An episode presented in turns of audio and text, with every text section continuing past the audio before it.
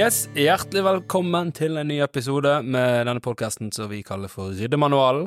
Den handler om eh, kulturlivet i Bergen generelt sett, og vi har sett litt på de menneskelige styringsmekanismene i det å være utøver og inneha den forbannelsen det er å ha et ofte sjølerklært talent som gjør at du befinner deg i denne smeltedigel av navlebeskuende sjølrealisering.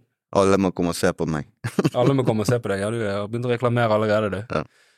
For det er jo ikke bare bare. Det er jo mye annet du kunne brukt tiden din på. Tjene penger, for eksempel. Ja, eller spille spill. Eller ting som er nyttig for andre. Spille mer spill. Lære noe som eh, du kunne delt, delt til andre ned.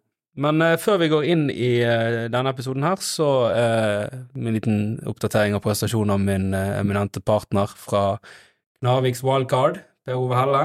Hallo. Godt nyttår. Godt Paddy. nyttår. Men nå sier de ikke godt nyttår lenger, nå sier man godt år. Er det det? Ja, for nå er ikke det nytt år lenger, nå har vi kommet litt lenger ut Ja. det. Det var en som sa det. Har det vært et godt år Ja, så langt så har det gått greit, egentlig. Mm. Men nå eh, Det har gått fint frem til i dag. Eh, nå har jeg bare 500 kroner igjen, men jeg får lønn om to dager. Ja, så det er økonomien som Ja, det er vanligvis sånne ting, eh, det er jo det. problemet. Men det går greit sånn Ja. ellers. Ja. Julen din, da? Var fin? ja, det var greit, det helt ok. Jo da, det var, jeg var hos min søster, Ja. så det var kjekt, det. Så du Jeg fikk er- oppvarting? knuste min uh, nevø i Fifa. Slo han 9-0 og 7-0. Ja, ok, da. Ja. Og han tok det fint? Han ble litt grinete. Ja, og du tok det veldig fint som vinner? Ja, jeg sa at uh, sånn, Det er sånn livet fungerer. Altså. Ja, du smasha han Ja. Rett ned. Og du fikk oppvarting der òg. Jeg fikk pinnekjøtt, Ja. og så fikk jeg noen gaver òg. Fordi at uh, forrige gang vi hadde en episode med deg, så ble du litt bleik om nebbet, plutselig. Fordi at da så jeg at Eller da hørte jeg i ettertid at uh, Jeg trodde først at det var fordi at du datt ut av samtalen fordi at meg og Egge snakket så mye om musikk. Men så viste det seg at du har det fått koffeinsjokk. Ja, jeg drakk altfor mye kaffe. Ja, for vi har gratis kaffe her på Ja, huset, ja. og det tar du ved begge hender. Ja, så nå har jeg bare fått meg en halv kopp. Så derfor har vi skjenkekontroll på deg i dag. Så nå kan jeg ta to halve kopper istedenfor. Ja, to føles kopper. som to Ja, hele. vi kan, vi kan, og da må vi ikke ha inne. Nei, det går ikke. Det går Så hvordan gikk det med søstera de sine ting nå? Står uh, Eh, lett vegger seg borte? Nei, det gikk eh, greit, altså. Det var, jeg var prøv, stolt over meg sjøl. Jeg, gjorde- jeg gjorde ikke noe gale. Ja. Nei, men det er godt å høre. Det er godt å høre. Så uh, I siste episode så klagde jo du litt på at jeg uh, av og til bruker så mange fancy ord som du sier du ikke forstår. Ja. Uh, Har du skrevet de ned? om jeg har skrevet ned de ordene? Ja. Nei, det har jeg ikke. For du kan de. Ja, jeg håper jeg kan de. Det er av og til du bruker de feil, da, men jeg håper jeg er litt forbi det. Ja. For jeg var jo Jeg må jo gjennom episodene med, for, å- for å redigere de ned. Mm. Så høre gjennom hva vi skal ta vekk og sånt. Og jeg var gjennom det med ene kona mi da jeg var i bilen. Nå sa jeg ene kona mi. det er ikke, det Da avslørte du deg sjøl. ja. ja, men jeg er fra Os. Det, Ja. alle forstår. Nei, det var Da det sa jeg faen, hø høres jeg ut som en sånn pretisiøs kødd? Ja, Jeg vet ikke hva presisiøs betyr. okay. Godt i gang. Så eh, jeg var Ja, for det er ikke meninga, liksom. Jeg, jeg, jeg, tror, jeg tror Det går bra. Halvparten av de gangene jeg snakker med deg, så sier jeg bare ja eller nei uansett. ja, men det er ikke for å prøve å være elitistisk. Jeg tror jeg kanskje plukka det opp sånn på videregående og universitetet i begynnelsen, der at jeg kanskje la til meg den vanen for at det låtes litt sånn tøft ut. Eller ikke tøft ut, men eh, for å høre smartere ut. Men uh, nå er det ikke med vilje i det hele tatt. Nei. Men hun sa at eh, det er sånn det høres ut, men det gjør ingenting, for du er en pretensiøs kødd òg. Så Ja. det går egentlig opp i opp. Så atferden din eh, matcher måten å snakke på. Men eh, så er det jo det med begreper og ord. De har jo en betydning som, som er unik for de. Det er ofte når jeg sier noe, så et ord som folk ikke forstår, så spør de hva jeg mente med det, og så forklarer jeg hva jeg mente med det. Ja, da kan du bare lure dem og forklare dem. Forklare de feil? Ja. Erlend Osnes hadde en veldig god idé med det. Ta og lære sønnen sin når han er liten et ord som man bruker veldig sjeldent, Mm. Men, eh, men vil bruke en annen gang i løpet av livet, og så er det noe noe helt feil. Ja, det ja. Og så ville lære han at møne på taket, som du bruker veldig sjelden, det heter giljotin. Men det Så to ord du bruker sjelden, og så når han kommer i situasjonen, så blir den veldig rar. Ja. Det er en sånn lang, eh, eh, lang praktisk joke. Ja, den må du investere i. Det er lang, lang avkastning. Ja, ja. Men i dag har jeg virkelig funnet fram en curveball til deg, da, Per Ove. En kollega nærmest. En livets kollega. Liv- En filosof. Fra livets skole. og um, han, han tok et par kurs mer enn deg, da, tror jeg. Ja. Men jeg har sett mye YouTube-videoer på filosofi og sånn. Ja. Gjør du det? University of YouTube. Ja, ja, det er vår største konkurrent. Det, det er det, sant? Ja. ja. Det vil jeg tro. Det er mange som, eh, ikke så mange stipendiater der, da. Nei, det er ikke det. Eh, Men det er flere studenter som, eh, når de ikke har gjort det særlig godt hos oss, så sier de at nei, nå slutter jeg å stokke. Det her var ikke noe særlig. Jeg går heller på University of YouTube, ja. Ja, Mm. Der får Så ikke ser vi dem ikke noe mer. Nei, de gjør vel ikke det, da. Om de får noe karakter er vel også et spørsmål, men Eh, de får jo fylt, fylt tida, tida si med litt forskjellig. Mm. Ja. Nei, for vi har jo, som som podkasten tidligere har sagt, det på en måte skulle handle litt om, nå skli, vi, begynner vi å skli litt ut uh, Innenfor rimelighetens innenfor rimelighetens grenser. Ja. Nei, det var jo utgangspunktet var jo å snakke litt om idrettsfilosofi og utøvende kunst og prestasjon og uh, stress og mestring, diverse sånne mekanismer, men vi merker jo det, vi har jo hatt uh, psykologen inne, men jeg merker jo det når vi snakker om det, for å forstå menneskelige mekanismene bak det, så tenkte jeg vi må ta og finne fram spaden og grave litt eh, lenger tilbake igjen, og opphavet til egentlig all vitenskapelig viten er jo den gode gamle grenen filosofi. Det var der eh, det starta, ja. Og så kan man si at filosofien har blitt eh, tynnere og tynnere når de enkelte vitenskapene har uh, flytta ut og etablert seg på egen hånd. Ja, og nå er det den som eh, nesten blir regna som the odd one out. Ja, så sitter vi igjen med alle de vanskelige spørsmåla som ingen Ja. andre vet hva Ja. kan gjøre noe med. De har Um, funnet Hva er livet? Ja, det svarer de ikke på i uh, legevitenskapen. Ja. Eller, de kan jo definere det De med puls. Ja, har du puls, så Ja. er det med. Men vi hadde jo eh, Men jeg sier jo det at masse av de spørsmålene, selvfølgelig Psykologien er jo òg en av de vitenskapelige greiene som kanskje òg har veldig masse av filosofien eh, i seg. Det går an å si at det er en av de vitenskapene som har uh, flytta ut eh, senest eh, Mm. fra, fra filosofien, Ja. Mm. Og det er jo kanskje mange, mange fremdeles òg mener at psykologien bare er en eh, filosofi. Det er jo ulike grener av filosofien, og noen er mer etablert Mm. vitenskapelig og etterprøvbart enn andre. Ja. Og um, psykologi, likeens som filosofi, er jo litt sånn broad church, uh, altså uh, en ganske brei definisjon du kan, du kan bruke, uh, og, men det er jo den forskjellen, da, at um, vi blir antageligvis um, straffeforfulgt hvis du skrur opp et skilt med psykolog på, utenfor døra, men um, det går greit med filosof, da er det ingen Ja. som kan, kan ta det. Ingen beskytta tittel der. Nei. Nei, og vi var jo har jo vært innom eh, det som eh, jeg har litt bakgrunn i som idrettspedagog, med idrettspsykologien, Mm. og som eh, Det som er litt eh, interessant der, da, er jo det at det er jo en, en ganske Nå er det en ganske sånn definert disiplin innenfor psykologien, Mm. men eh, utgangspunktet for han var jo egentlig bare folk som De som begynte å studere idrett, var jo vanlige psykologer som studerte idrett Mm. for å studere diverse menneskelige mekanismer som gruppedynamikk og Mm. stress og mestring og utvikling.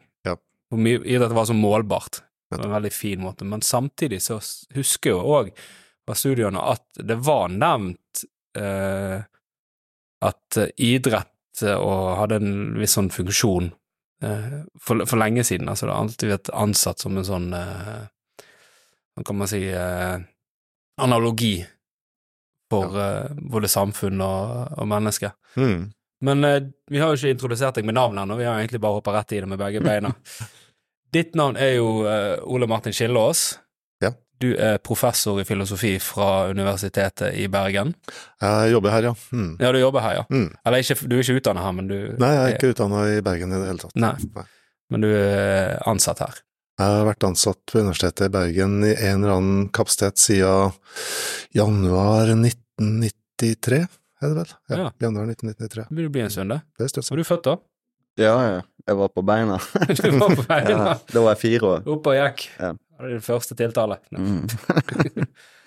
Litt av grunnen til at, altså grunnen til at jeg henter deg inn nå, er jo for å prøve å bare gi en liten sånn innføring.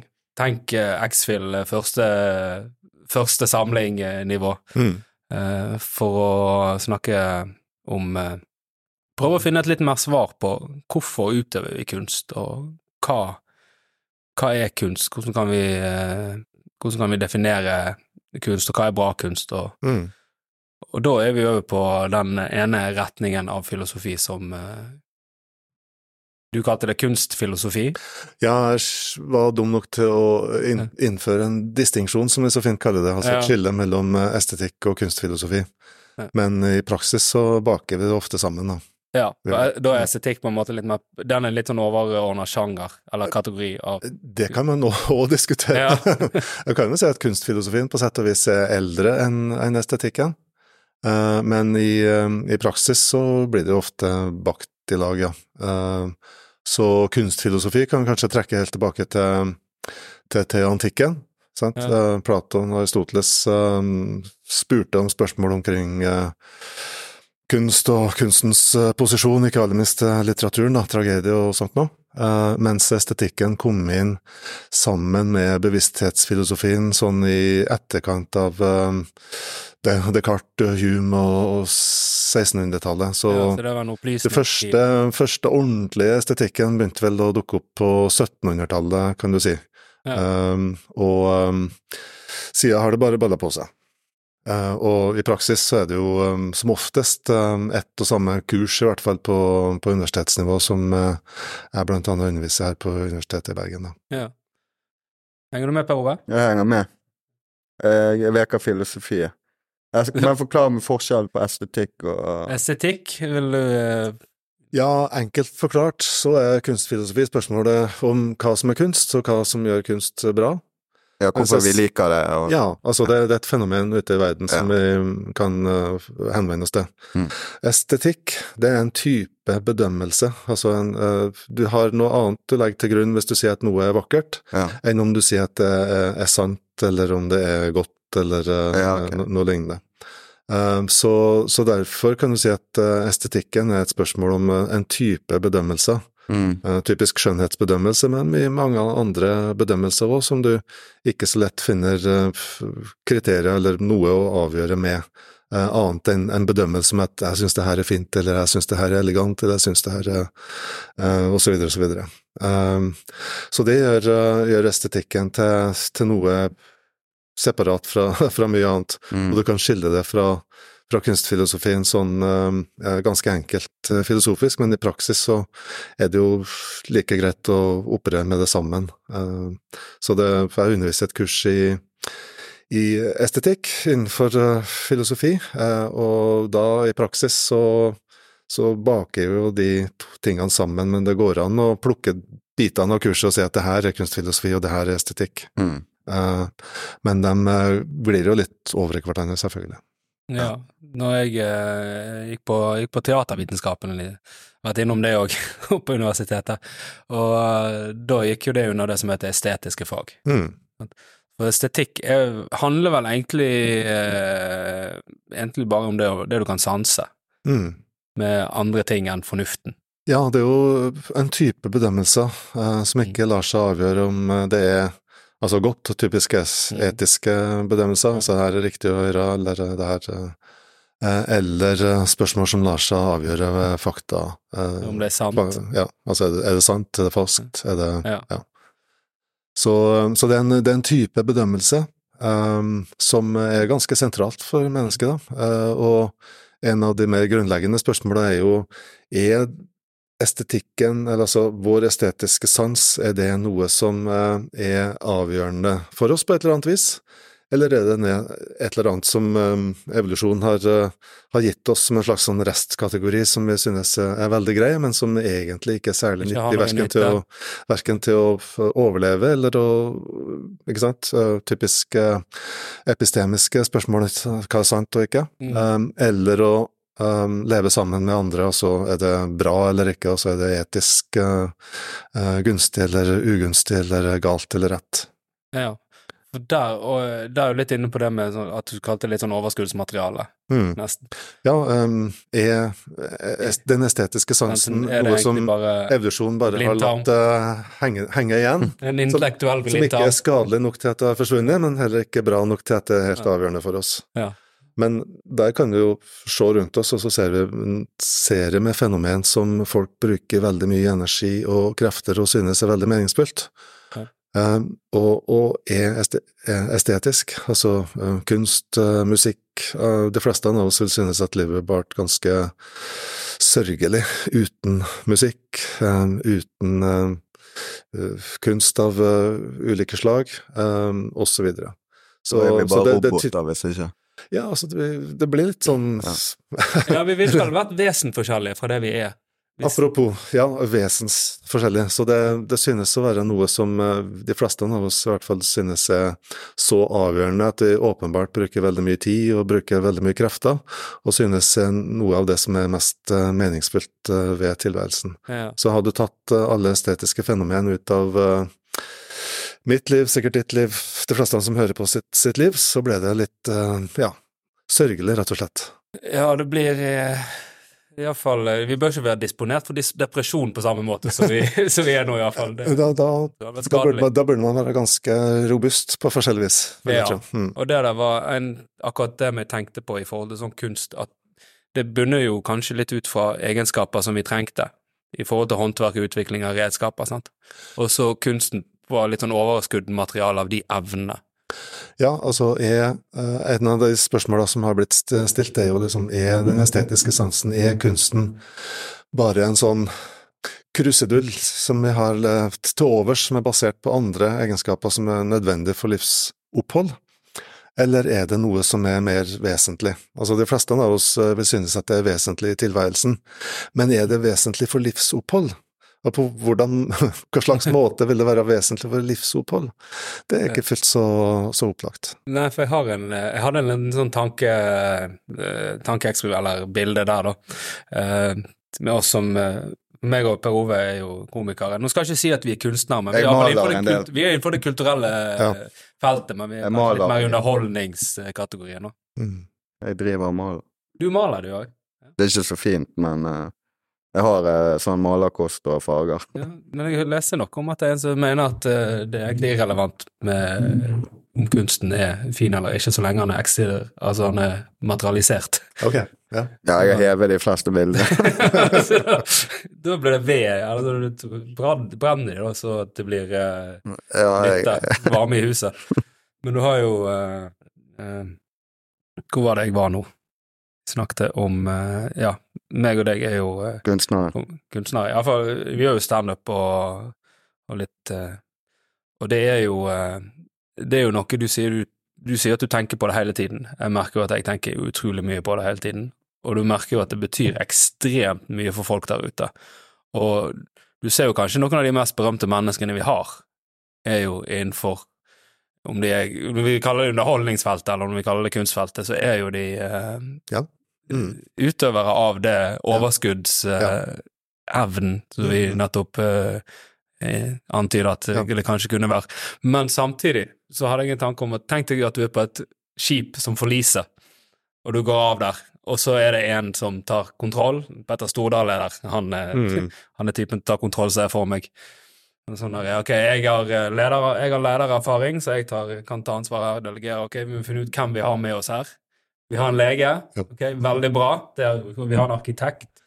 Ja, det kan vi få brukt for vi skal bygge ting. Vi har en ingeniør. Ja, helt fantastisk. Og så du er Mick Jagger. Okay. Kan du noe annet? kan du noe annet enn det, det du er kjent for å kunne? Sant? Mm. det, I sånne situasjoner, sånn prekær situasjon, da, så vil jo det selvfølgelig ikke kunne si at dette her er livsnødvendig på den måten. Mm. Ja, og så er det bare en Kunst og alt estetisk er det bare en krusedull som, eh, Ja. som vi Hvis vi har litt tid til overs, så bryr vi oss om det. Dusk i luo. Ja, ja. eh, Eller er det noe som er mer vesentlig? Mm. Eh, og det sier seg jo sjøl at hvis du ikke klarer å overleve, så har du ikke noe tid til overs for å, for å tegne, male eller gjøre andre kunstneriske ting heller, så det, det er jo greit nok. Men vi ser jo fra alt, alt vi har funnet av, av, av eh, rester etter tidlige mennesker, eh, i hvert fall eh, når de har kommet så langt at vi anser dem for å tilhøre vår egen art, så, så finner man um, uttrykk som åpenbart Eller man skal slite veldig for å kunne forklare det som noe som er nødvendig for livsopphold. Mm. Men så snart du hadde litt tid til overs, så begynner du å lage, lage ting, eller du, du finner noe å lage eh, maling med, det finner figurer, eh, og i det hele tatt så eh, Så det er i hvert fall helt åpenbart eh, noe som ligger til menneskenaturen, det er opplagt. Mm. For ellers ville de ikke ha brukt tid og krefter på det når det var så nært eksistensminimum. Eh, Men hvilken betydning det har utover det, all den tid vi har lett for å forklare fenomen ut fra hva som er nyttig, hva som eh, gir oss eh, vekst og fremgang, som gir oss trygghet og, og, og et ordentlig livsgrunnlag, det er fremdeles diskusjoner omkring, selvfølgelig. For det er jo vanskelig å finne akkurat fasiten på det. Men som sagt, sjøl når du graver i jorda og finner tidlige rester av menneskesamfunn, så finner du eh, tegn som tyder på at eh, den estetiske sansen er såpass vesentlig at så straks du, straks du hever deg over eksistensminimum, så er du der og, og gir uttrykk for noe visuelt, og hva som foregikk um, av andre typer kultur, altså hvis det fantes, fantes uh, standup-komikere på, på den tida, så har vi ikke særlig mye igjen av det. Så, det. så det kan jo godt tenkes. at, Veldig vanskelig Det hadde vært de, de hadde, hvis de har klart å, å, å, å, bevare noe av eh, Så spørs det om vi har skjønt vitsene deres, da. Jeg vet ikke. Hvis du klarer å finne en eller annen hieroglyf eller helleristning som viser å ja, dette er et standup-show, Ja. det hadde vært fascinerende. Jeg tror nok eh, jo- Dette var en time med materiale fra den eh, største på den tiden. Ja, du hadde jo, du vet jo i, eh, du som liker pyramiden og sånn sånne spennende ting som det. Jeg tror nok du må lete fram en tidsmaskin hvis du har Ja, tenkt å finne noe sånt. på det spørsmålet. Mm, mm, mm. Men det er ganske kult å se sånne her eh, bilder fra huler og sånn for mange, mange tusen år siden, liksom, Ja. før uh, egypternes tid, sånn, der de har malt uh, dyr og alt mulig. Mm. Og det er jo veldig fint òg. Det er Ja, jo det er jo- det ikke akkurat noen strekemenn de har tegna heller. Nei, nei, det, det er rett og slett ja. Så de hadde- hula, hulene i Sør-Frankrike, for Ja, eksempel, de, som kanskje er mest kjent. Ja, Det er jo rett og slett Det er jo eh, kunst, det er ordentlig. Ja, det er ordentlige, ordentlig greier, ja. ja det er det. Så tanken er at det, det der var ikke det første de laga. Eh, Det er litt sannsynlig. De må ha øvd en del. Ja, det sånn. Ja, det, må ha vært noen som hadde den eh, altså, Ja. nesten ansett som kunstner i det Mm, mm, mulig. ja. Og, um, og du ser jo det òg, som du snakket om, med sånn at eh, de grunnleggende behovene er dekka. Mm. Men du ser jo òg i, i mange fattige uh, uh, samfunn som har lite Mm. samme kultur, så ser du det at både utsmykking, sang og dans, sånne ting, Ja. har veldig stor Mm. betydning. Og etnologer og, og slike som har forsøkt å forklare det, har jo i utgangspunktet tenkt å Eller prøver jo i utgangspunktet å gi det en betydning. ikke sant? Det her har en betydning fordi at det, du roter det tilbake til livsopphold på et eller annet vis, eller en, en eh, holde ved like en, en, eh, en stamme eller en gruppe mennesker eller noe sånt. Altså en type psykologisk internrevisjon, om du vil. Men eh, til sist så er man rett og slett eh, nødt til å, å, å gå utover den der funksjonalistiske tenkemåten Mm. og, og, og slå opp hendene og innrømme at ok, eh, det er en egen kategori, Ja. det, synes, det synes å ha en egenverdi. Du kan Ja. liksom ikke føre det tilbake til noen ting som har konkret livsopphold, men det er rett og slett noe ved det å være menneske som gjør at uh, det her er, er, er meningsfylt, gi oss glede og gi oss uh, en type forståelse som vi ikke når gjennom andre uh, måter. Ja. Og eh, det, jeg, jeg nevnte det òg i den episoden med han eh, psykologen, selv om, eh, selv om det gjelder idrett, da. Men eh, det er sport. Altså begrepet sport. Mm. Det kommer fra fransk de sport, Mm. og det betyr å flytte vekk. Nettopp. Desport, ja. Ja. Mm. Du er på siden. Mm, mm, Dette her er noe du gjør på siden av samfunnet, det er en egen dimensjon. mm, Det er enten rekreasjonelt, eh, eller underholdningsverdi, eller mm. Eh, Altså, det har en, en egenverdi, rett og slett. Da. Ja.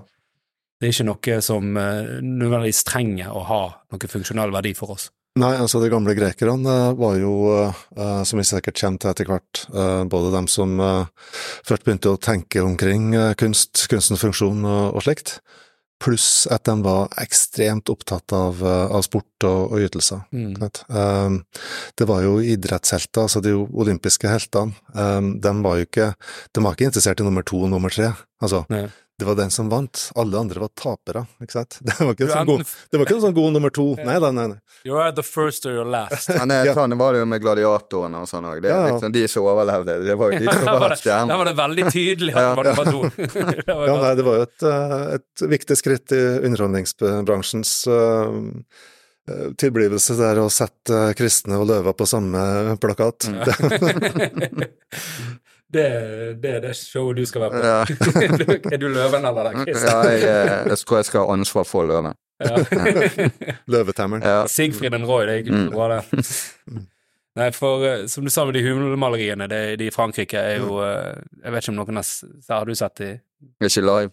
Nei, ikke live, Nei, men jeg har sett mye bilder. Ja. Det er vel ingen som får se dem live lenger. Nei, det var det ikke det. De har en, eh, den egentlige hulen, og så har Ja, de laga en kopi. Ja, ja. Ja. Så folk får kanskje se den, uh, den det er, jo, eh, det er jo litt fascinerende skue, Mm. det taket der. Det er jo ikke bare rene sånn etterligningshelleristninger vi snakker om. Det er jo en eh, Det er veldig dynamisk. Ja. Det, er, det er ikke sånn strekmenner, altså, Mm. men uh, i mange Uh, kunstneriske virksomheter så er en jo fanga av uh, de uh, redskapene man har til rådighet.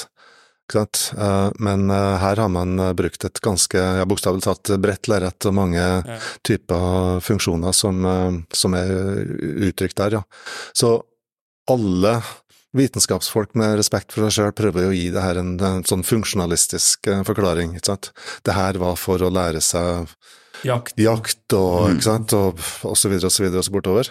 Men det er vanskelig å se at man forklarer hele fenomenet bare ved det rent sånn uh, nytteprega, ja. Eh, det har nok en eh, for oss, og jeg tror helt sikkert for mennesker som, eh, eh, altså Homo sapiens, som ligner veldig på oss, så ville det nok ha hatt en ganske lik, tror jeg, da. Eh, vi har jo hatt eh, mye historie i mellomtida, mye utvikling innenfor både kunst og forståelsesformer og slikt, men eh, noe grunnleggende menneskelig er det som, eh, som taler til enhver som ser det der. Mm.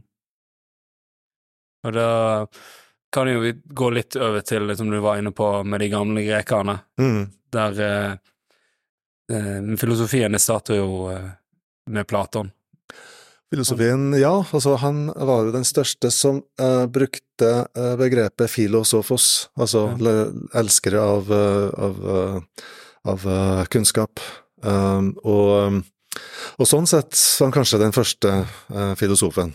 Eh, men uh, Altså begrep eh, Ja, men han, han, trengte jo en, han en historie, Uh, Ja. og man kan jo se andre som har drevet innenfor bransjen fra Thales og fremover, som åpenbart har, har hatt noe som Og Sofistene. Sofistene kommer litt mer både samtidig og, og, og litt før, Ja. men jeg tenker på Anaximander, Anaximenes og en rekke andre som de fleste har glemt, som ikke tok X-Fill i gamle dager, sånn som jeg. Eh, eh, eller driver bransjen. Eh, men han var den første som gjorde det såpass systematisk, og som brukte begrepet filosofos, altså Ja. elskere av kunnskap. Ja. Og, eh, og som for så vidt skrev om ting som dekker bortimot hele det spekteret som i dag regnes for å være filosofi. Mm. Men han var også veldig smart, da. Eh, han var selvfølgelig veldig smart, men var veldig intelligent. Han hadde sine øyeblikk. Ja da. Men han var også uh, smart i betydningen uh, street smart, uh, Ja. for å holde seg i live. Uh, for det var ikke alle som stilte spørsmål om makten som det gikk like bra med. Så han skrev, han skrev jo, for eksempel, og Platon var jo Sokrates sin elev, og han sørga jo for å holde seg unna å skrive noe i retning av at jeg, Platon, mener at, ikke sant. Eh, Så han skrev jo dialoger. Og, og de gir jo åpning for eh, ulike tolkninger. Eh, og jeg tror Platon dukker opp uh, en eller to, sammen, to, to-tre sammenhenger eh, i dialogene òg, men han er altså stort sett fraværende, den som har skrevet det. Eh, men han har ikke skrevet eh, noe eh, sånn åpenbart i dialogene, i hvert fall som kan tilskrives han. Så han har en sånn det som man på fint engelsk kalles for plausible deniability. Mm. Ja. It wasn't me, so. Ja, ja, ja. ja. Eh, så det her, det her er bare en karakter som sier et eller annet. Ja, så han, Ja. han, han ordner seg Ja. For tidene var, jo tidene var jo usikre. De var strenge på den tiden. De tok ikke altfor god fisk. Nei da. men uh, så han skrev jo dialoger, um, og uh, sørga for at uh, det var andre som sa det meste som skulle sies. Og så er jo tolkningsmaskineriet i gang. Ja, I hvor stor grad var sto Platon bak det som ble hevda her? Mm. Eh, og det var jo tilstrekkelig uklart at den ikke kunne holdes eh, ansvarlig for eh, alt som sto der. Men eh, Så da er jo tolkningsmaskineriet i gang, og når tolkningsmaskineriet er i gang, så sørger det også for at det her tikker og går ganske lenge, ikke sant. Vi leser fremdeles Platon med, med stort utbytte, til tross for at det var skrevet for nesten 2500 år siden. Ja, han er litt sånn eh, Han er litt sånn da Vinci-aktig. Det er av og til du kan bli nesten fascinert over Ja, at, at det var han som formulerte denne tanken her. nettopp. Den ideen her kommer, kan du spore tilbake til han. Det, det er utrolig mye han har eh, vært innom av, Ja. Av nesten alt vi har for uh, moderne tenkning. Mm. Og så ett spørsmål som jeg har uh, stilt til noen før. Sokrates, var han ikke det? Ja, Sokrates levde. Ja, Vi har helt ja, sikre bevis på at det ja fantes. Ja, ja, ja. For det har vel vært noen av og til som har antyda at uh, Sokrates egentlig bare var Platon sitt eh, Et litterært, Produkt, litterært, litterært grep. Et litterært grep. Nei, eh, da var det veldig mange som skulle vært eh, innom den eh, greia der. Ja. Litt for mange til at ikke noen sladra. Nei, Mm. ja, så det er sånn som en vanlig konspirasjonsteori, altså. Ja, ja. ja. Det er vel en som sa at personer du trenger for å lage en konspirasjonsteori er to. Mm. Mennesker som klarer å holde på en hemmelighet hele livet. Ingen. ja. Kanskje. Kanskje.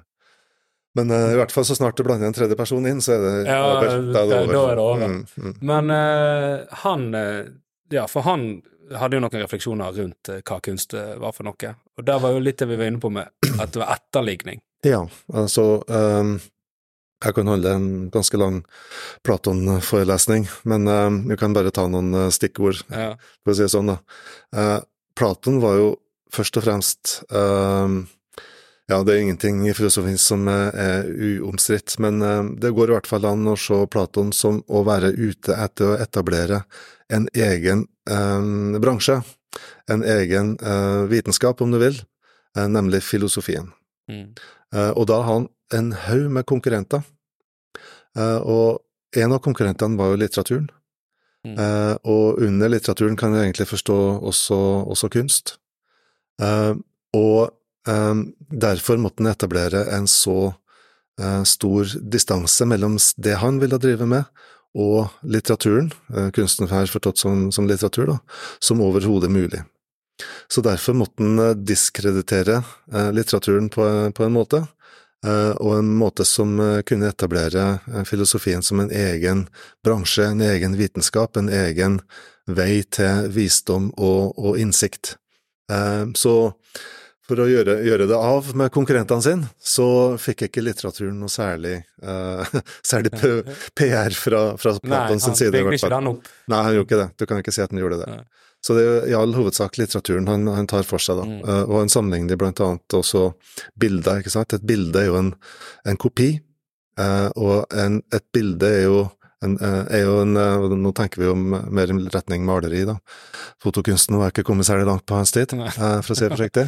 Dårlig med det. Ja, så, ehm, så det er jo en, en Alle kopier er jo dårlige? Mm. De er- beveger seg lenger og lenger fra det egentlige. Og han var jo ute etter, etter å etablere filosofien som en, en vei inn til ekte kunnskap. Mm. Altså, en kunnskap er jo om noe som er fast. Alt annet er jo i, i bevegelse, alt annet endrer seg jo. Så, eh, så litteraturen er jo eh, noe som eh, også er ugunstig sett fra Platons sin, eh, sin side, fordi at eh, eh, filosofien er jo filosofos, altså det er elsking av, av kunnskap. De som elsker kunnskap, er filosofer, som mer eller mindre per definisjon. Men kunnskap må være om noe fast. Eh, og eh, kunnskap er også noe som er, appellerer til vår fornuft, og fornuften er forskjellig fra følelsene. Sant? Mens litteraturen, litteraturen er, den vellykka litteraturen er den som taler til våre følelser. Mm. Eh, Den taler til følelsene på bekostning av fornuften. Fornuften. Ja. Ja. Og dermed er det jo om å gjøre for, for Platon som forfatter av her eh, dialogene, å diskreditere uh, litteraturen. På mest eh, på, ja, så godt som en kan overhodet, ikke sant. ja, for den kan jo avlede fornuften i Ja, ja, for, for for litteraturen taler til, til følelsene. Og når følelsene eh, eh, bobler opp, så går fornuften ut. Det er jo de fleste av oss eh, erfart. Ja, og vi kjenner jo til det nå i moderne tider med informasjonskrigen, nesten. Ja, ja, ja. Eh, og det, ak akkurat den der eh, Akkurat den krigen der pågår jo Den, den, er, ikke, den er ikke over uh, på noe slags vis. Nei, den er så vidt begynt, Ja. nesten. Ja, ja, ja. Nei, og det jo det enkleste av alt er jo å appellere til folks uh, instinkter og, og følelser, og dermed overstyre fornuften. Mm. Så Platon var jo som sagt ute etter å etablere en vitenskap eh, basert på, på fornuften. Og det finnes noe bortenfor, i hvert fall hvis du skal tro Sokrates i noen av de sentrale dialogene, så finnes det noe bortenfor sanseverden som er fast, og som hvis du skal ha kunnskap, ordentlig kunnskap, altså ikke om noe som eh, endrer seg, eller som appellerer til følelsene, eller som, eh, som leder oss bort fra den ene sanne eh, retningen som fører til ekte, ekte innsikt og viten, så er vi nødt til å samarbeide. Det er kanskje noe av det mest vesentlige og interessante med det Platon får fram i det her eh, dialogene, men vi må finne noen som er likesinna. Vi må finne andre filosofoi, ikke sant, Eh, de som er elskere av, av kunnskap. Og det er en felles eh, virksomhet, det er ikke noe som en enkelt person kan legge ut på, på egen hånd. Og dermed starter du også en, eh, en virksomhet som, der det gjelder å finne sjeler som er beslekta, og som er ute etter å finne noe som er fast, noe som ikke er i endring, for sanseverden er jo endring hele tida. Ja, og da har du ja, filosofien? og det, det, ja, og det, det, det er filosofoi, Ja. altså de som er elskere av, av, av kunnskap. Så da starter du rett og slett disiplin. Ja, eh, ja. Uh, og han gjør det jo attraktivt, da, for det her er jo åpenbart uh, ikke den store allmuen, det her er noen få utvalgte som har denne, eh, denne egenskapen, at de er elskere av kunnskap og er disiplinert nok til å kunne følge den, eh, den veien som eh, som vi tror Platon, men i hvert Mm. fall Sokrates som, eh, som et eh, talerør i, i sentrale dialoger eh, legger opp til. Og da ligger kunsten som en distraksjon. Da er kunsten en konkurrent, rett og slett. Ja. Fordi at eh, de gamle grekerne var ute etter å uh, ute etter å underholdes, ikke sant? Uh, Ja. Og det herre eh, eh, veletablerte um, Veletablerte, eller ikke veletablerte, for egentlig tragedien var ganske ny uh, i, i Platons tid. Um, tragedienes storhetstid kom sånn, hvis det ser års, årstallsmessig, uh, noen år før uh, Platon og Sokrates og, og, og Platon eh, opererte. Så de var, eh, de var kjent, de var for så vidt etablert, men relativt sett så var de eh, ganske nye. Det som var gammelt, Eh, Komedien? det, det var jo Homer, ikke sant? Homer, ja. Ja.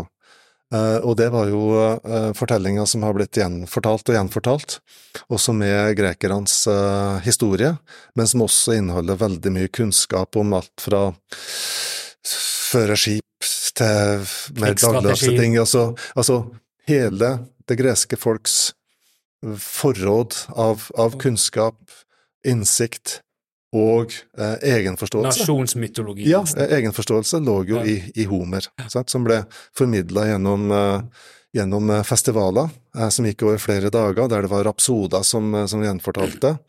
Og, og det er jo et ganske sentralt her, dere har jo snakka om idrett og slekt tidligere. Um, det sentrale her er jo at det var konkurranse. Sant? De enkelte rapsodene, altså dem som føyer sammen vers, eh, de sto i et konkurranseforhold. Så når det her Ja. eh, festivalene var eh, brakt til ende, så var det å stemme fram den beste rapsoden. Ja. Ja. Ja, det er jo kult at de Det gjorde var det. konkurranse. Ja, ja, sant? da har Ja. det jo nettopp litt av det som Ja, Det, det, det er omtrent som en sånn eh, komedieshow hvor vi, hvor vi konkurrerer om det å være den beste, beste komikeren. Hvem får Ja, ja, publikumspris? og der kom jo du inn på eh, Der sa jo du akkurat en ting som jeg har tenkt å nevne, som gjør at jeg liker å dra den parallellen mellom idrett og kun kultur. Mm. Er jo det at I tidligere olympiaden så var jo nettopp det der Ja. en av grenene. Mm. Det å fremføre en historie Ja. best mulig. Det var en konkurranse. Det var på samme måte som spydkast og løping. Ja, ja. Var det en disiplin? ja og, og grekerne kjente jo bare vinnerne, resten var tapere. Ja, ja. Det er en fin måte å se det på. Ja. Kjenner Og- du til det? Det er ikke taperne. Nei. Men du kjenner, kjenner du til eh, Homer og Odysseus? Nei, Odysseus? jo, jeg har hørt om eh, Odysseus, men uh, Det er jo eh, veldig mange historier som vi kjenner til som er inni der. Ja, ja. Trojanske hesten. ja. Achilles er vel en karakter i den. Jeg har sett Mm. filmen. Du har sett Troja? Ja. Den er fin. ja. Den er bra, den. Så, men så kan du jo si at hvis vi hopper litt videre for å, for å prøve å komme oss Vi har så vidt begynt på Platon. Men uh, Ja, det, det, kom jo et lite skille med eleven hans. Som du sa, det fikk jo et lite svar fra eleven hans, Mm, Aristoteles. Han kom jo med et lite tilsvar til, Mm. eh, til eh, den oppfatningen av Mm. kunst som noe Ja, Ja, ja. Som Nei, han, eh, de var jo samtidig Aristoteles, eh, Platons eh, elev. Det er vel, eh, hvis noen husker noe fra, fra Axfield, hvis de har tatt Axfield, så er det eh, Aristoteles var Platons elev. Mm. Eh, og det var jo et ganske sentralt eh, samarbeid uh, på mange vis, og i eh, poetikken kanskje særlig, så uh, svarer jo det, det er i hvert fall veldig lett å si at eh, å se en sammenheng her mellom deler av, eh, av staten, eh, av Platon, og eh, poetikken. For her er det en rasjonell framstilling av hva en tragedie er. Altså den Poetikken var større, den omfatta komedie og et par, par andre emner, men det er liksom om tragedien vi i første gang kjenner til. Og her forklarer Aristoteles at jo, det her er en rasjonell virksomhet, og her er de prinsippene den er basert på.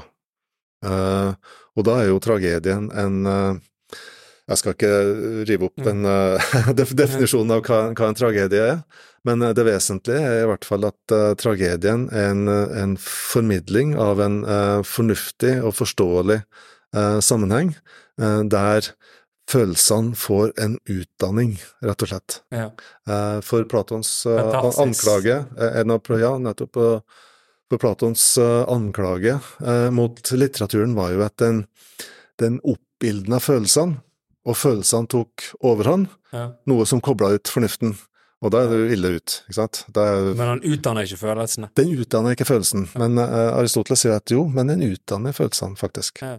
Uh, du får en forståelse for hvordan eh, ting, ting henger sammen, Um, og det, det er selvfølgelig kjernepunktet i, eh, om, om tragedien, da, eh, som er kanskje den delen av poetikken vi, vi kjenner best til, Ja, ja. og har mest igjen av. Jeg ser jo det, jeg husker jo det fra teatervitenskapen, at veldig masse av dramaturgien vi fremdeles bruker i dag, Mm. er jo rett linje ned fra Aristoteles sine, Ja. sine tanker. Det funker. Ja, det, ikke skift noe som funker. Og apropos sånn med fornuft og følelser, sånn som det vi holder på med, vi appellerer jo til følelser. Vi har jo et, vi har jo et poeng ut av det vi skal Det er ikke mye fornuft i det. Det er ikke mye fornuft i det. Hvis du hadde tatt, hvis du tar der vitser, altså materialet vårt fra scenen, og gjør det om til eh, fornuft, så Ja, men an, du- antak, Står du igjen med ett minutt. da, da faller det fort fra hverandre. antakeligvis, hvis Aristoteles har vært her eh, Jeg er ikke hans talerør, eh, men hvis Aristoteles har vært her, så tror jeg han kunne forklart dere hvordan det her ting henger sammen, og hvorfor vi synes det her er morsomt. Ja. Ja. Eh, Så jo da, jeg tror nok han kunne, kunne tatt det dere gjør, Ja. eh, og gitt en eh, fornuftig, fornuftig forklaring, og det var jo det som var hans, eh, Aristoteles store, store geni, da, at han, han var i stand til å, å forklare, forklare, ja, altså forklare prinsippene og forklare hva som egentlig skjer bak de fenomenene vi kan observere. Og det var han veldig flink til på, ja, ikke bare på dette området selvfølgelig, men i ganske vid forstand. Det er, jo, det, er jo, det er vel psykologi, det. Ja, en type, type psykologi. eh, En type forklaring av hvordan eh, sjelen og dermed også følelsene fungerer. Og det, ja, det kan man kalle Mm. psykologi. Ja. Litt. Så han var Så da gikk det fra Altså Platon sin syn på det som etterligning, Vi skal ikke gå, gå inn på idéverden her nå, det er veldig abstrakt. Men så har du Sokrates, nei Aristoteles, da, som eh, så det mer som eh, Jeg så jo han hadde en eh, tanke om tragedien, at det hadde en funksjon for noe Du må få ut, altså du får utløp for noe. Ja, du får utløp for, for følelser som Ja. eh, du kan gi utløp i en forståelig sammenheng, Ja. eh, uten at det får praktiske konsekvenser. Ja, Og det, det, det, han, det var det han sa, at du må, disse følelsene her bør, kan eller bør ikke få utløp. Nei. Men de får tilstrekkelig utløp Ja. til at du får dem uh, på en måte rensa. Sant? Ja. Um, du går um, inn i uh, inn på tragedien med uavklarte følelser, ikke sant, og du får formidla en, en situasjon som gir opphav til, til følelser. Um, som gir, men du får allikevel en eh, fornuftig avklaring på dem gjennom det som skjer.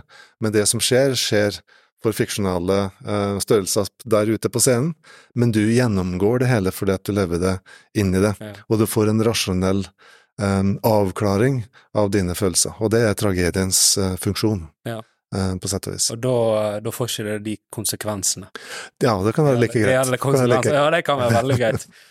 Det er jo det som eh, Det var det han kalte katarsis. Ja, altså en, en renselse. Har du hørt det begrepet før? Katarsis. Ja. Selvfølgelig har jeg ikke det. det er jo navnet på Kevin Ja, i men, men soloshow. er det jeg. Jeg har sett det ordet. Forstår du hva det betyr nå? Uh, nei, egentlig ikke. det betyr en forløsning av, av, Følelser. av følelser. At du får bygd opp uh, følelser på en Altså, veldig godt eksempel via for eksempel film er jo sjangeren grøsser. Mm. Hvorfor ser du grøsser? Hvorfor setter du deg selv i en situasjon Jeg har du føler- pute foran meg, så jeg får ikke se. men du setter jo deg Du, du, du Ja. appellerer jo til deg. Du Ja. setter jo deg i en situasjon der du får bygd opp veldig mange følelser som i utgangspunktet eh, du vil anse som negative. Mm, mm. Ja, det mener jeg at det. Men du, du Men du får en rasjonell eh, sammen, sammenheng for dem, og dermed får du også eh, gitt dem den plass de bør ha i livet ditt, i stedet for å styre det. Så kan du gi dem den plassen de bør ha, altså en reaksjon til en faktisk eh, eh, farlig situasjon eller, eller noe lignende. ja. Så du, du på en måte kan tragedien beskrives som å være en type mekanisme der følelsene får utløp, men i en situasjon som du også kan forklare eh, fornuftig, og dermed får du sortert dem inn i en Å og gi dem en plass i livet som er eh, i, i vid forstand fornuftig. Fordi at mennesker er ikke bare rasjonelle eh, vesen, vi er også følelsesvesen. Men hvis vi gir følelsene en plass innenfor det rasjonelle eh, bildet, som man kan hevde at eh, tragedien gjør, så får de eh, allikevel den, eh, den plassen de bør ha, både for å leve et godt liv som, som menneske, og også den plassen de bør ha i et samfunn. Altså, du kan eh, ekstrapolere det her fra det enkelte mennesket og over på, på samfunnet, for eh, tragedien fungerte jo innenfor et samfunn, ikke sant? ja. Eh, og den hadde en funksjon innenfor samfunnet, hvis vi forstår Aristoteles Ja, rett. jeg tror jo òg Jeg skal ikke hoppe til altfor mange konklusjoner, men jeg tror jo òg at for medmenneskelighet og empati, Mm. utvikling av de eh, egenskapene der, Ja. så, så har jo skjønnlitteratur og, og de, de forestillingene en Mm. veldig viktig rolle. Ja. At du kunne leve deg inn i andre sine situasjoner. Mm. Ja, du utvider jo mulighetsrommet for, eh, som du sa, eh, empati, mulighetsrommet for å forstå andre mennesker. Um, og det er jo ikke andre mennesker, det er jo fiksjonsfigurer, eh, men så derfor må du jo skape dem tilstrekkelig troverdig til at det kan representere personer og på den måten utvide vårt erfaringsgrunnlag på en måte som vi vanligvis ikke har tilgang til. Nei. Og jeg tror moralfilosofien ville hatt et stort problem hvis vi kun skulle appellere til fornuften. Ja. Når du skulle danne folk. Du er i hvert fall nødt til å ta høyde for at mennesket er et uh, følelsesvesen. Ja. Ja. Og du kan jo sammenligne for eksempel med ulike typer fobier. Um, uh, jeg har uh, sjøl klaustrofobi, Mm. og har jo gjennomgått Har liksom hatt kognitiv eh, atferdsterapi på det. Og da er det jo å sette seg i en situasjon som utløser eh, følelsen, Mm. men på en kontrollert måte, sånn at du forstår hva som skjer med deg Mm. eh, og repetert eh, eksponering, kanskje verre og verre gang for gang, um, så vil du etter hvert eh, kunne gi den situasjonen en plass innenfor en fornuftig sammenheng, eh, så der den faktisk hører hjemme, og ikke det derre fra null til hundre katastrofescenarioet Ja. som de fleste som lider av fobia fobier fort eh, havner, ikke sant. Mm. Um, det her er en kontrollerbar situasjon. Du lærer deg å forstå uh, hvordan ting henger sammen, og respondere adekvat. Og det er noe av eh, det som også skjer, eller kan tenkes å kunne skje i hvert fall innenfor en, en tragedie. Du Ja. blir presentert overfor et eh, tenkt eh, tilfelle, sant? den fiksjonsforestillinga som du eventuelt ser eller, eller leser. Du ser på eh, reaksjonene, men du blir samtidig presentert overfor de kategoriene og de menneskene og deres reaksjoner som gir det hele et, et um, rasjonelt um, bilde av hvordan situasjoner, reaksjoner osv. henger sammen, slik at det hele faller på plass. Ja, du gjennomgår følelsene, Mm. men det hele faller på plass på en måte som er forståelig, eh, både, for, både for deg og for alle andre som, som ser på det. Og sånn sett får du en type katarsis, en type renselse. Ja. Så på sett og vis er jo eh, sånn kognitiv atferdsterapi en type, en type Mm. tragedie, bare Ja. at det, det, er ikke- det er ikke like ut, utbrodert, men du blir med viten og vilje utsatt for, eh, for situasjoner der du får en type reaksjon som eh, over tid, og med mye strev og mye møye, eh, gjør at eh, hele til slutt faller på plass innenfor en forståelig ramme, der forhåpentligvis, hvis terapien er vellykka, gjør at det hele faller på plass og får sin rette posisjon innenfor, innenfor livet ditt, og ikke det der 0 til 100 katastrofescenarioet som var utgangspunktet for at du gikk Ja. dit. Mm. Det er derfor vi for eksempel sitter i det store studioet nå. Ja, så jeg, jeg begynte å lure på hvorfor vi ikke satt i det små, men da fikk vi en forklaring på det, kanskje. Og døra er åpen og i det hele tatt, så det, ja, det her går bra. Ja, her det her går bra. Ja, her- her går bra. her- Liker du ikke heis heller, da? Nei, nei nei. Nei, tok trappen. Ok, jeg òg tok trappen, ikke sant. jeg har jævla god form, og det er fordi jeg ja. jeg trappen Ja. aldri tar heisen. Nei, for det er jo um, Du får jo muligheten til å gå gjennom den dannelsen, Jeg burde, utviklingen, uten faren for jeg traumene. vet, jeg vet jeg burde ta heisen mye oftere. Mm. Ja. Men du tar heis hvis du må? Hvis det Hvis det, hvis det er 17. etasje, så skal jeg vurdere det. Ja, ok, Eh, ja. Hvis det er 11., så går jeg. ja, okay. Jeg har heldigvis, Ja. som sagt, god form. Så. Ja. Men det er jo også, klaustrofobi er jo også, som høydeskrekk litt sånn iboende egenskap som vi bør eh, ha. Ja, altså, de, de, ja da. eh, På den, du bør være redd for lukka rom, for det, det er mulig at du ikke slipper ut, ikke sant? Ja. Eh, eh, men uh, all den tid du responderer adekvat, den har en, det har en rimelig plass, ikke sant? Ja. Eh, og så er det å, å prøve å dytte den inn på den plassen der den hører hjemme, eh, og ikke der den har eh, imperialistiske ambisjoner for å ta over hele følelseslivet ditt. ja. Og det er jo det som skjer når du har en, en fobi, altså det er en plage Ja. i livet ditt, rett og slett. Eh, når jeg begynte å få reaksjon på å ta bussen som stoppa på en holdeplass for å vente på ruta, da skjønte jeg at nå måtte jeg foreta meg noen ting. Måtte ta grep. Er du glad i tunneler? Uh, tunneler går greit, går greit. for de har som regel to åpninger. Ja, ja, ja det er sant. Eh, Nei, så jo- nei da, jeg er jo uh, sertifisert kurert. Ja, gratulerer. Ja.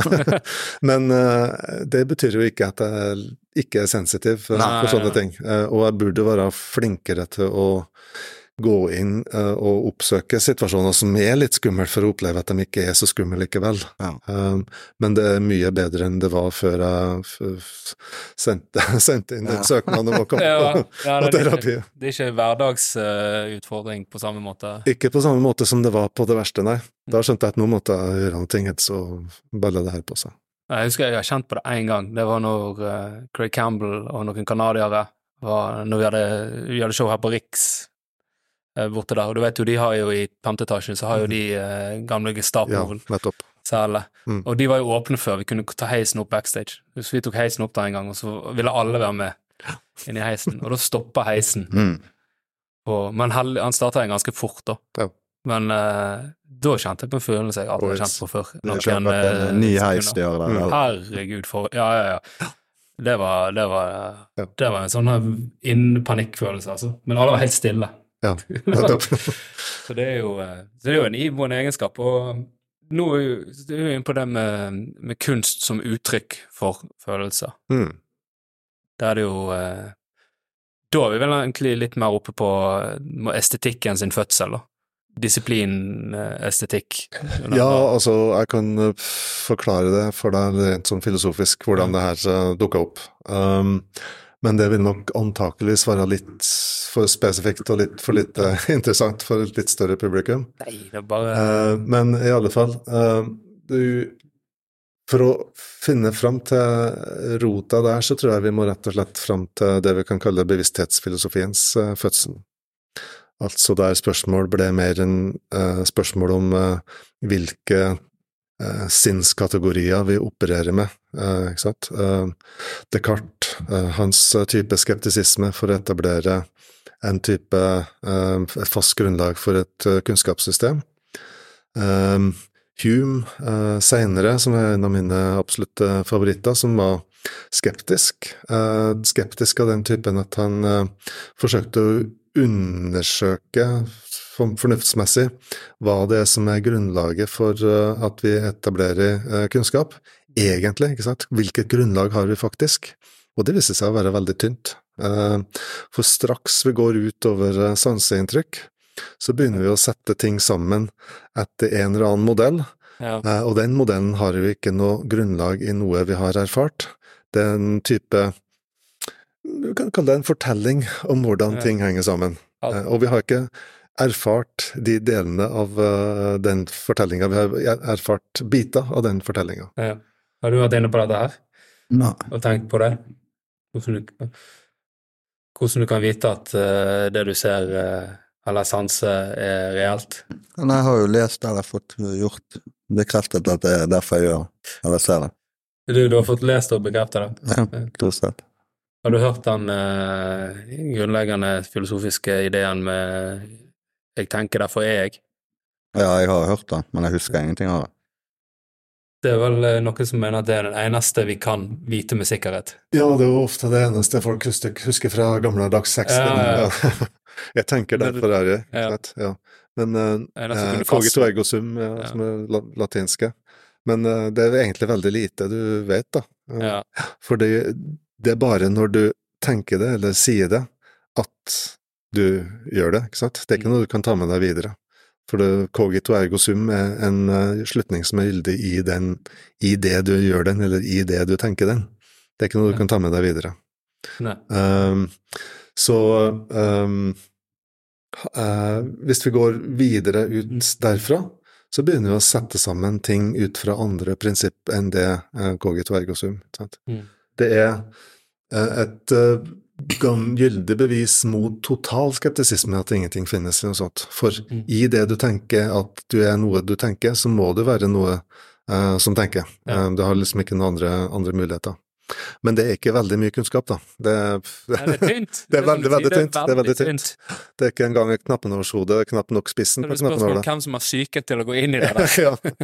Ja da, nei, eh, vi kommer jo vi kommer ut fra det, og, eh, og som eh, Hume var, var inne på, hans konklusjoner og tanker kunne være skeptisk når han satt i, godstolen, men i det øyeblikket han reiste seg, så var jo alt det vekk. Eh, så du kan jo ikke røre deg eh, hvis, du, hvis du går ut fra at det, det ingenting finnes, og, og i det hele tatt, Så du, det daglige liv fortsetter likevel.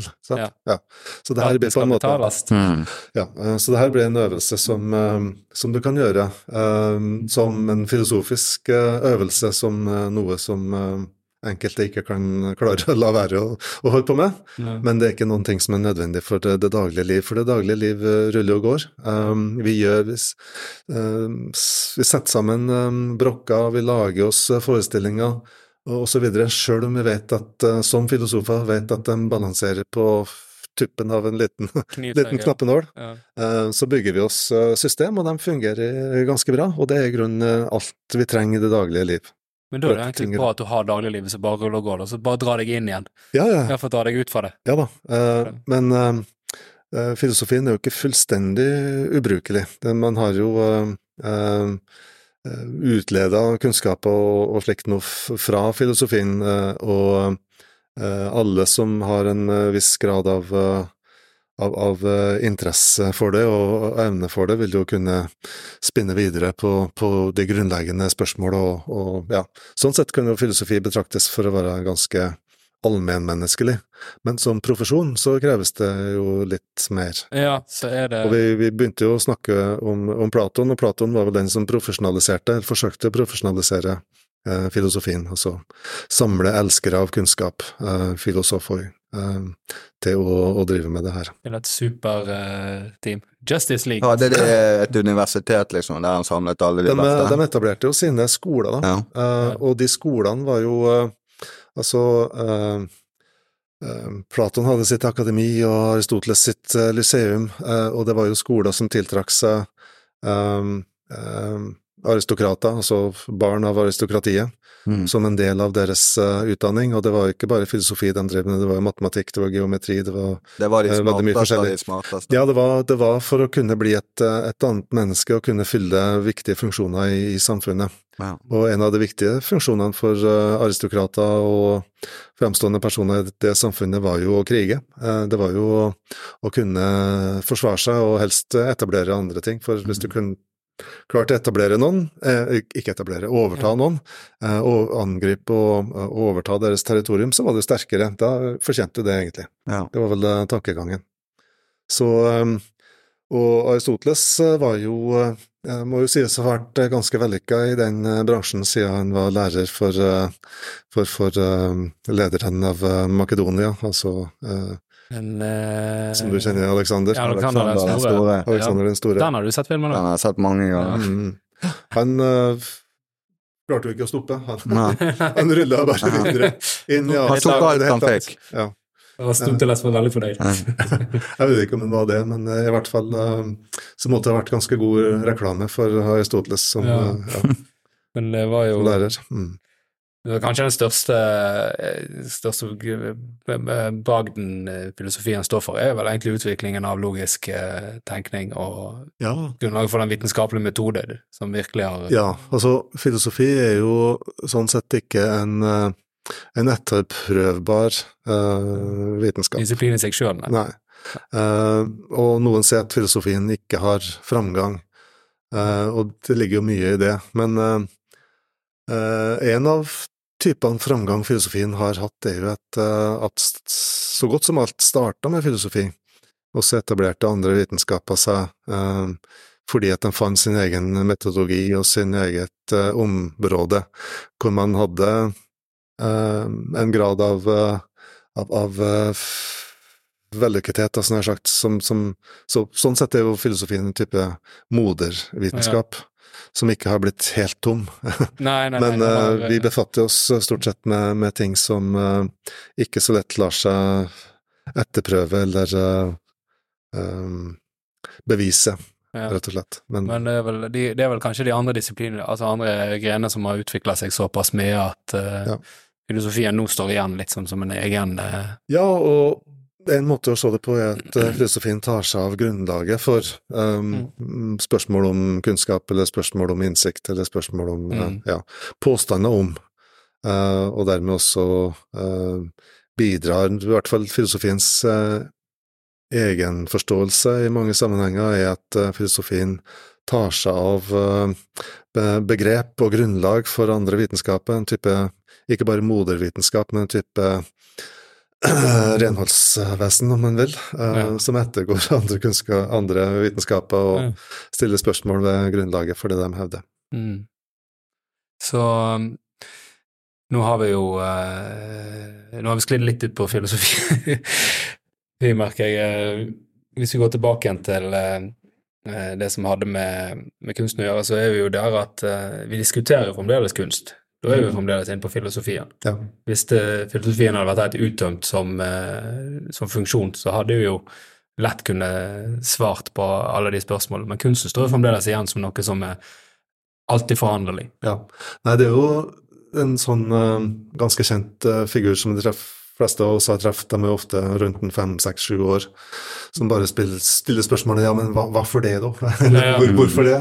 Og straks du blir, går, begynner å gå ned den ruta der, så havner du fort i filosofien. Ja. Uansett hvor uh, god du er innenfor din egen vitenskapelige uh, virksomhet. Og begynner først noen å spørre hvorfor det, hvorfor det, om og om, om igjen, så havner du i filosofien. Ja. Jeg er jo barneskolelærer, og Ja. det der er jo uh, Når du står der i klasserommet, så merker du det at du står og formidler noe som skal være ganske Mm. Altså, det skal være veldig lett for de å forstå. Ja. Så får de ofte spørsmål hvorfor skal vi kunne dette, hvorfor skal vi lære dette, hvorfor skal vi gjøre dette? Mm. Så begynner du å kverne. ja. Nei, det er bare sånn det skal det, og det bare, du bare sparer, for det er jo 20 stykk. Ja. De skal være stille. Det er jo bare sånn det. Ja. Sånn er det bare. Ja. Sånn funker det. Mm. Så, men du merker jo at svaret Skal du gi dem svar på hvorfor du må gjøre dette her? Det har ikke vi tid til. Nei, det har du ikke tid til. Ikke, et svar som alle vil akseptere, ja. Nei. For 20 barn til å akseptere hvorfor de er nødt til å male, male perspektiv på kunst og håndverk, for eksempel. Mm. Mm. Men eh, for å ta Nå kommer vi jo litt eh, ut opp i tid her. Jeg tenker på, jeg vil hoppe inn på det der med, med estetisk sans i mennesket. Vi har jo vært litt inne på det at du ser eh, spor i ark arkeologien Mm. med ting som du sa vi bare ikke kan forklare. Ja. Noe som nok er funksjonelt, men noe Mm. annet enn at Ja. dette her er en egen eh, egen rett og slett dimensjon av menneskelig egenhet, altså Mm. aktivitet. Ja, nei, det er veldig lett og fristende å bruke Kant, en filosof mange har hørt om. Har du hørt om Platon og Aristoteles, så har du kanskje hørt om Kant òg. og av en eller annen grunn er Kant veldig populær uh, i, i Norge. Eh, nok om det. Men han delte jo filosofien inn i tre områder. Mm. Og det var jo, for å si det enkelt, og med tittelen på X-Fill-bok som vi brukte for eh, ikke så lenge siden, eh, Det sanne, det gode og det skjønne. Ja. Eh, og det var de tre områdene innenfor filosofien. Og da skjønner du jo hva det, hva det går i. Ja. Det er liksom epistemologi og, og, lignende, altså det som går på ren kunnskap. Hvordan har vi, kan vi etablere kunnskap? Det gode, altså hvordan kan vi vite, og hvordan vet vi hvilke handlinger og type handlinger som er, som er bra? Og eh, estetikken, som er spørsmålet om, om det skjønne. Hva er egentlig det skjønne? Mm. Uh, så, så det, det er en type, type tredeling som vi fremdeles uh, har med oss, og estetikken da gis ganske, ganske stort rom da innenfor Ja. den enkle tredelinga. Hva er det, hva er- det skjønne? Hva er det skjønne, ja. Ja. Og hvorfor, hvorfor er det skjønt? Ja. Og der er det jo, som vi allerede har vært inne på, mange typer, typer svar. Eh, og, men, og innenfor estetikken da, så er det jo mange typer eh, spørsmål som er eh, som ikke dreier seg om direkte om det skjønne. Eh, altså mange, de fleste som driver innenfor estetikk uh, i dag, syns jo at spørsmålet om det skjønne egentlig er grusomt uh, kjedelig og ganske avleggs. Ja. Men det finnes veldig mye annet som er interessant, og som har mange avleggere, eller ikke, jeg skal ikke si avleggere, men har mange berøringspunkter med veldig mye annet. Ikke bare innenfor filosofi, men innenfor mange andre virksomheter òg. Mhm. Så jeg befatta meg jo før i tida veldig mye med filosofi og litteratur. Jeg har jo en bakgrunn fra litteratur, jeg har hovedfag i engelsk og ikke i filosofi. Jeg har doktorgrad i Ja, filosofi, men eh, hovedfag i engelsk. Så det er jo min vei inn i, i filosofien og, og, og estetikken. Det var via litteratur, eller engelsk? Det var via litteratur, ja. Mm. Ja. Ja, for det er jo eh, det er jo, det er jo allmenn, eh, allmenn eh, sett så er det jo mange som oppfatter estetikk som et visuelt, altså avgrensa til det Mm. visuelle. Det, det tenker de veldig at estetikk, da går det på når noe er estetisk, så er det Mm. visuelt. Men det ligger jo estetikk i musikk. Ja. Litteratur òg. Det ligger veldig mye av um, menneskelig virksomhet. Jeg er vel uh, av andre filosofer i hvert fall mest kjent for at jeg har skrevet om uh, vinens estetikk. Ja. Ja, uh, og det var jo ikke åpenbart en sånn disiplin som så lett ble uh, akseptert. Nei, nei, nei. Jeg skrev jo tidlig om uh, filosofi og litteratur, som jeg var inne på. Um, og det jo, var jo da jeg begynte med det sånn på 90-tallet, nei, før det egentlig, um, på 80-tallet. Um, litt sånn uglesett, så ble det litt mer etablert. Så syns jeg nei, da jeg skrev bok og, og greier, så syns jeg at nei, det var egentlig litt kjedelig. Nå, been there, done that. Så kom jeg til å, som sertifisert uh, vinneid, så begynte jeg å undersøke, og da skrev jeg veldig lite om uh, vin og filosofi. Så um, jeg begynte å, å, jobbe med det, og begynte å skrive noen artikler, og skrev en bok sammen med en uh, venn av meg innenfor samme bransje i, som jobber i England. Um, så det var boka The Aesthetics of Wine som kom ut for en ti-tolv år siden. Um, så det, det, er liksom Hvis noen vet om meg innenfor filosofien, så er det stort sett på bakgrunn av den jobben jeg har drevet. Ja. Mm. Du er mer på funksjonalitet av vin, du. Ja, hva, men hva er rødvin du liker best? Hvilken rødvin liker jeg best? Jeg har uh, drukket en som heter Amarone. Amarone, ja. Har du hørt om den? Den er Den er søte, sant? Ja, den er ganske søt. Ja, den, den er lett det er lett å forstå at eh, folk synes at Amarone er en god vin. Ja. Eh, For den gir deg alle de svara som du ønsker. Den er, eh, om jeg tør si det, ganske alkoholisk, som oftest. Ja, ja. men det behøver ikke være det. Nei. Veldig mye god Amarone som er relativt alkoholsvak, men det er litt mer sånn feinschmecker-versjon. Den er fyldig, ja. og den er aromatisk. Så det er liksom trykket på alle knappene samtidig, så Det er vel en bestselger i, Ja. på polet. Men Mm. det du, spennende, altså når du nevner estetikk eh, kontra så ser du det ofte når du hører en beskrivelse av en smak av en vin, mm, så er det jo nesten av og til som du beskriver eh, et bilde. ja. eh, Mm. noe estetisk. Så det Ja. er jo en veldig sånn Ja, det er jo veldig Jeg syns det er interessant, fordi at det, krever at du eh, utvikler et vokabular som vi ikke har et vokabular om. Ja. Eh, det visuelle har vi veldig lett Vi kan sjekke, ikke sant. Er det der en rødfarge? Ja, den sklir jo litt over mot, eh, mot fiolett her, ikke sant. Um, og så videre. Men innenfor smaken så har vi veldig et litt sånn eh, redusert vokabular. Eh, Mm. Det er litt uh, fattigslig. Så det er nødt til å etablere vokabularet. Og for noen som ikke er inne i det, og ikke har vært med på å etablere det, eller eh, fått en opplæring i det, så virker det jo ekstremt pretensiøst. Sant? Mm. Ja, ja, Ja, ja, selvfølgelig. og det, det enkleste ja, Ja. dere, driver med dere driver eh, innenfor uh, Står på en scene og være morsom. Ja. Det er veldig enkelt å være morsom på bekostning av uh, smaksnotater og sånt. Ja. Et hint av uh, harem eller noe sånt. Tenker, det er jo litt av eh, det, det med, med, det, med det, akkurat denne podkasten her, er jo det at eh, jeg tror de fleste skjønner at uh, meg og Per Ove ikke bør, kan arresteres for å være pretensiøse mennesker. Men uh, Nei, det er sånne som er Men, eh, for, det synes skal være- fare for å være ja, i stedet er det jo veldig komikker. Er Folk er livredde for å fremstå som pretensiøse. Mm, mm. Og det er akkurat det det er veldig egenartet på akkurat den grenen der. Merker musikk og teater sånn, så er ikke folk så redde for å være pretensiøse. Og jeg tror det kan være litt, litt hemmende, at, Mm. at man er så redd for å bli frem. Som- Pretentious små. ja, for det at vi skal være klovnene, sant. Vi skal være de som eh, Mm. ler av det, det pretensiøse. sant. Nettopp, nettopp. Eh, Altså, avkle keiseren, for å si det sånn. Altså, Mm. Nettopp. Men, eh, men i litteratur og at, i, Ja, ja, ja. når du skriver om vin og sånt, så Mm. må du jo tørre å Du må jo tørre å lage et fargerikt språk.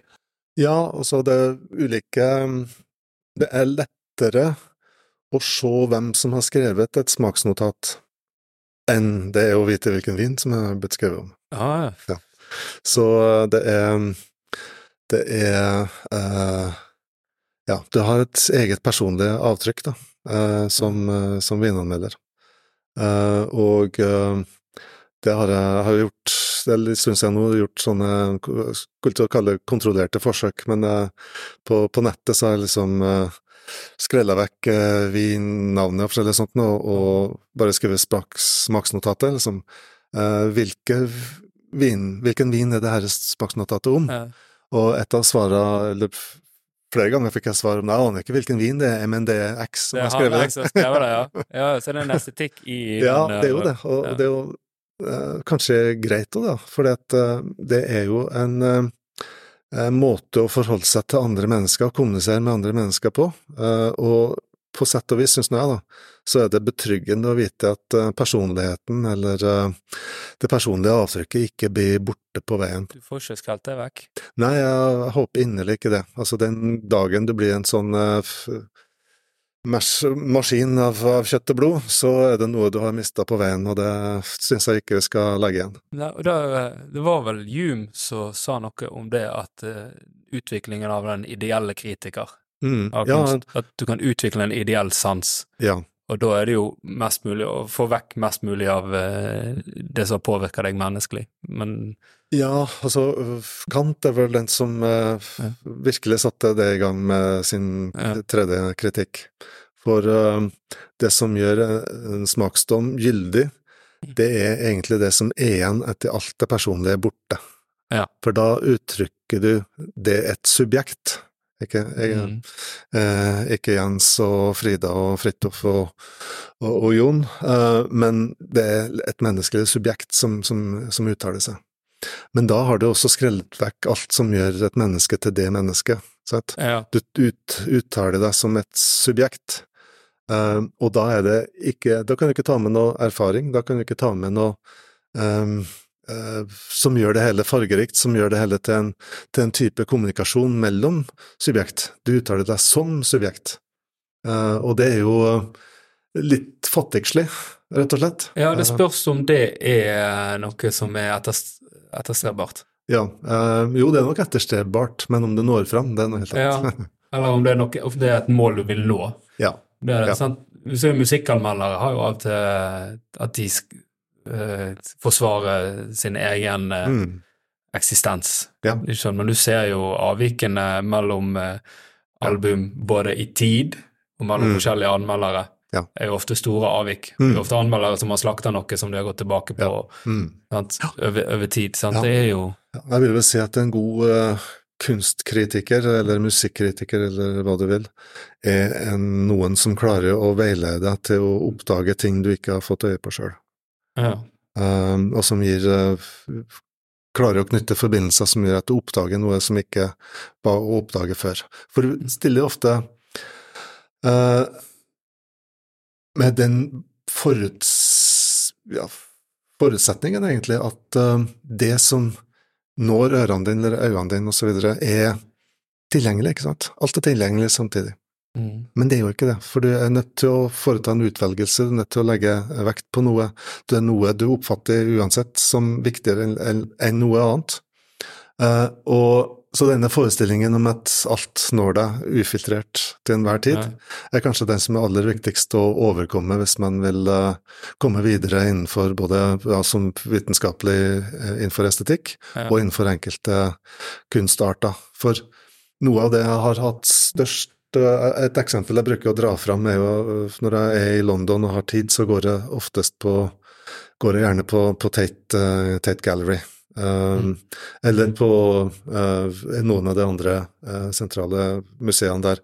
Og på flere av dem så er det en sånn eh, Klokka ett så er dukker det opp en person fra, fra et bakrom og stiller seg opp framfor et maleri eller en skulptur eller et eller annet, og holder et kort foredrag om det her bildet. Ja.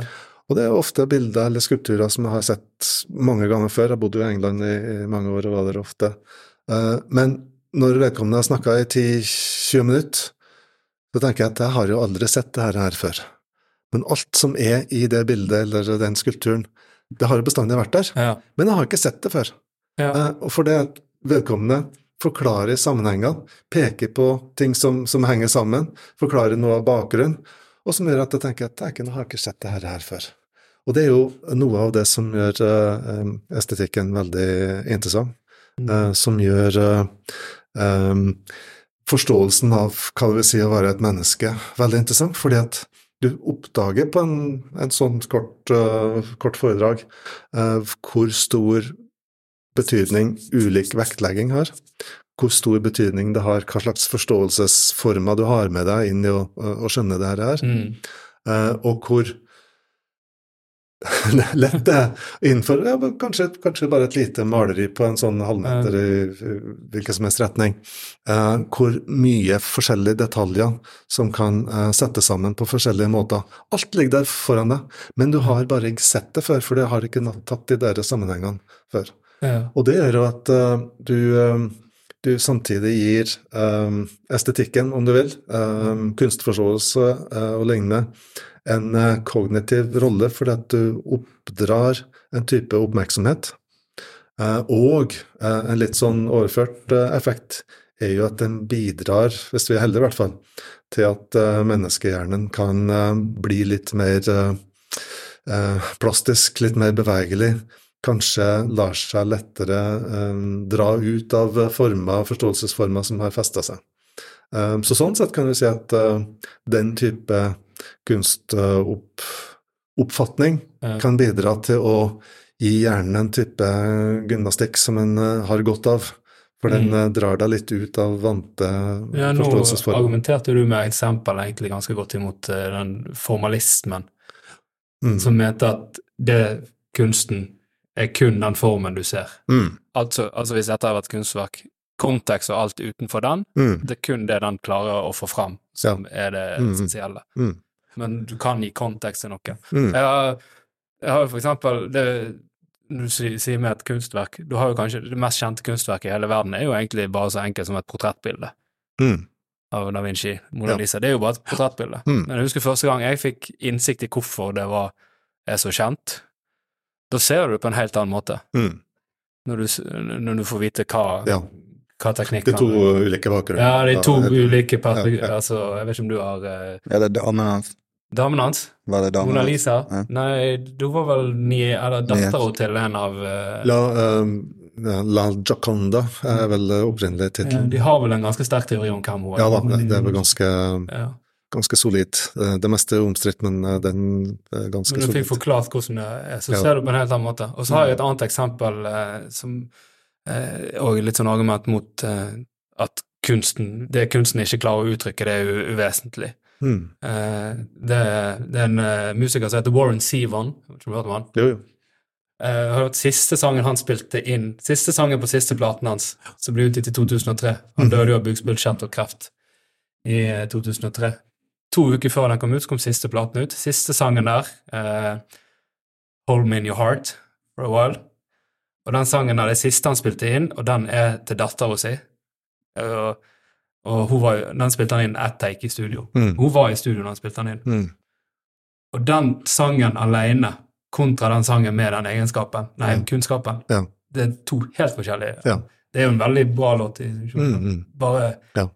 Når jeg hørte historien og hørte sangen, så var Mm. det et helt annet kunstverk. Nettopp. Nettopp. Og da er jo konteksten veldig viktig for det. Nei, det er jo på mange vis eh, har du jo innenfor mange, mange forskjellige felt, men også innenfor kunsten, eh, dem som ønsker å etablere det mest mulig som en ren vitenskap, ikke sant? Mer sånn eh, ren og klar og, og, og tydelig, og ikke forbundet med alt rotet som eh, mennesker blander seg opp i. Ja. Eh, Så det, den impulsen ser vi jo i veldig mange forskjellige eh, retninger innenfor eh, som mennesker driver med. Og så er det den motsatte, som er hvor forbindelsestrådene går i alle mulige retninger. Ja. Det kan jo virke litt mer eh, rotete, selvfølgelig, men eh, sånn er det jo. Ting henger sammen, og eh, kunsten har en plass innenfor vårt daglige virke. Og det å forstå både kunst og andre estetiske uttrykk som etablerer en forbindelse med våre estetiske egenskaper og, ferdigheter, det er jo noe som beriker um, livet vårt. Det må vi kunne Ja, ja, det gjør det absolutt. Mm.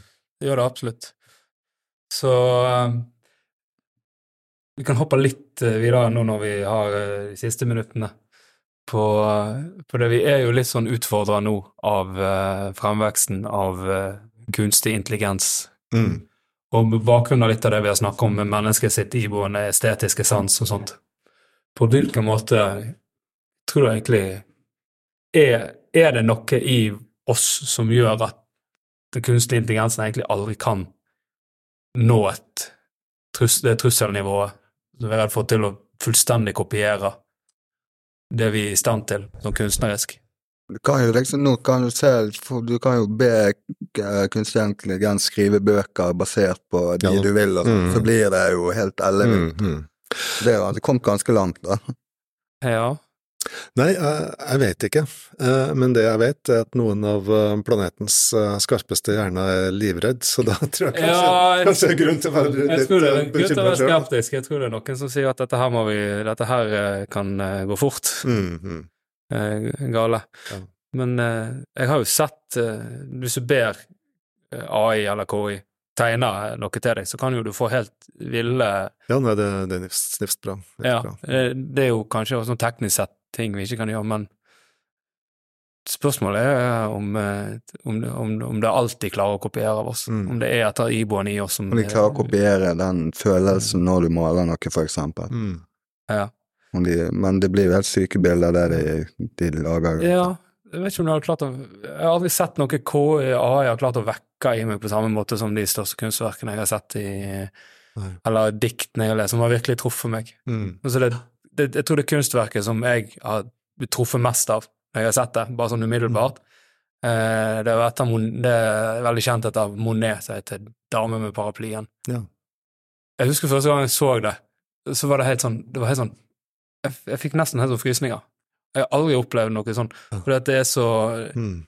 Det er noe helt eh, spesielt estetisk der. Nei, jeg ser jo noen studenter har jo forsøkt å eh, bruke Til oppgaver. ja, til å skrive oppgaver og sånt nå, Ja. og jeg tror jeg skal bruke fagforeninga til å få en sånn ødemarkstillegg eller noe sånt, for uh, lignende ødemarkstillegg. For det er så borti natta grusomt uh, å lese. Det er liksom som å vase gjennom bomull, uh, for det er liksom så konturløst.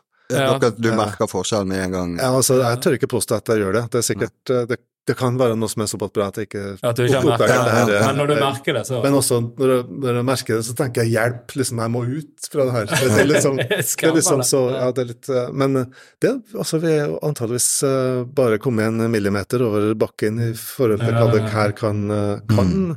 gjøre, og når det virkelig tar av, så, og, så blir det stadig vanskeligere å, å gjøre noe med det. Det er bare snakk om å øke databasen av kunnskap det har, sant? ja, Til ja, å nettopp. sette- lage konstruksjoner ut av Ja. det. Eh, Så håpet deres er at det blir bedre og bedre, Eh, men det må jo fòres i utgangspunktet med noen ting.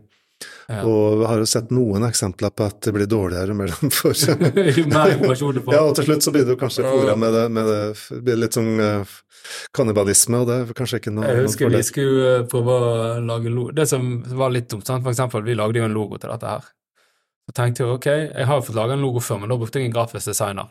Og da betalte jo jeg den grafiske designeren. Mm. Og så nå var det sånn, nei, vi bare lager den i AI. Ja. Selvfølgelig, vi fratar jo en, liten, eh, en liten jobb for en person som Ja. Jeg har en, eh, har en student som eh, driver med med, med illustrasjoner og, og, og, og forskjellig sånt. Så jeg spør om du er ikke redd for å bli arbeidsløs med det her. Sen, ja, altså det jeg må gjøre er å bli den aller beste til å bruke det her verktøyet. Ja, Mm. det ser jeg. Du, du, du kan ikke stå igjen og håpe at det går sin vei, du må bare hoppe i det og bli den Ja, beste som bli den som bruker det. Mm. Jeg så jo vi, Jo mer informasjon vi mater inn i den motoren, der, jo galere ble det jo. Jeg skulle ha et veldig enkelt bilde, men det var jo Det var altså ute på viddene til slutt. Du skulle sett noen av de logoene der, du hadde sikkert valgt en av det var det er noe sånn, det er er nesten litt sånn skremmende over det, som du sier. Mm. Det er som bomull. Du, Ja.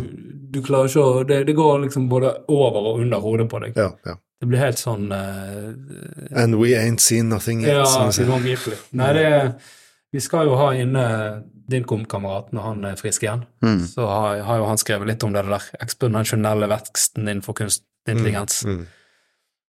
Og eh, ja. Nei, vi har jo vært veldig mye innom noe.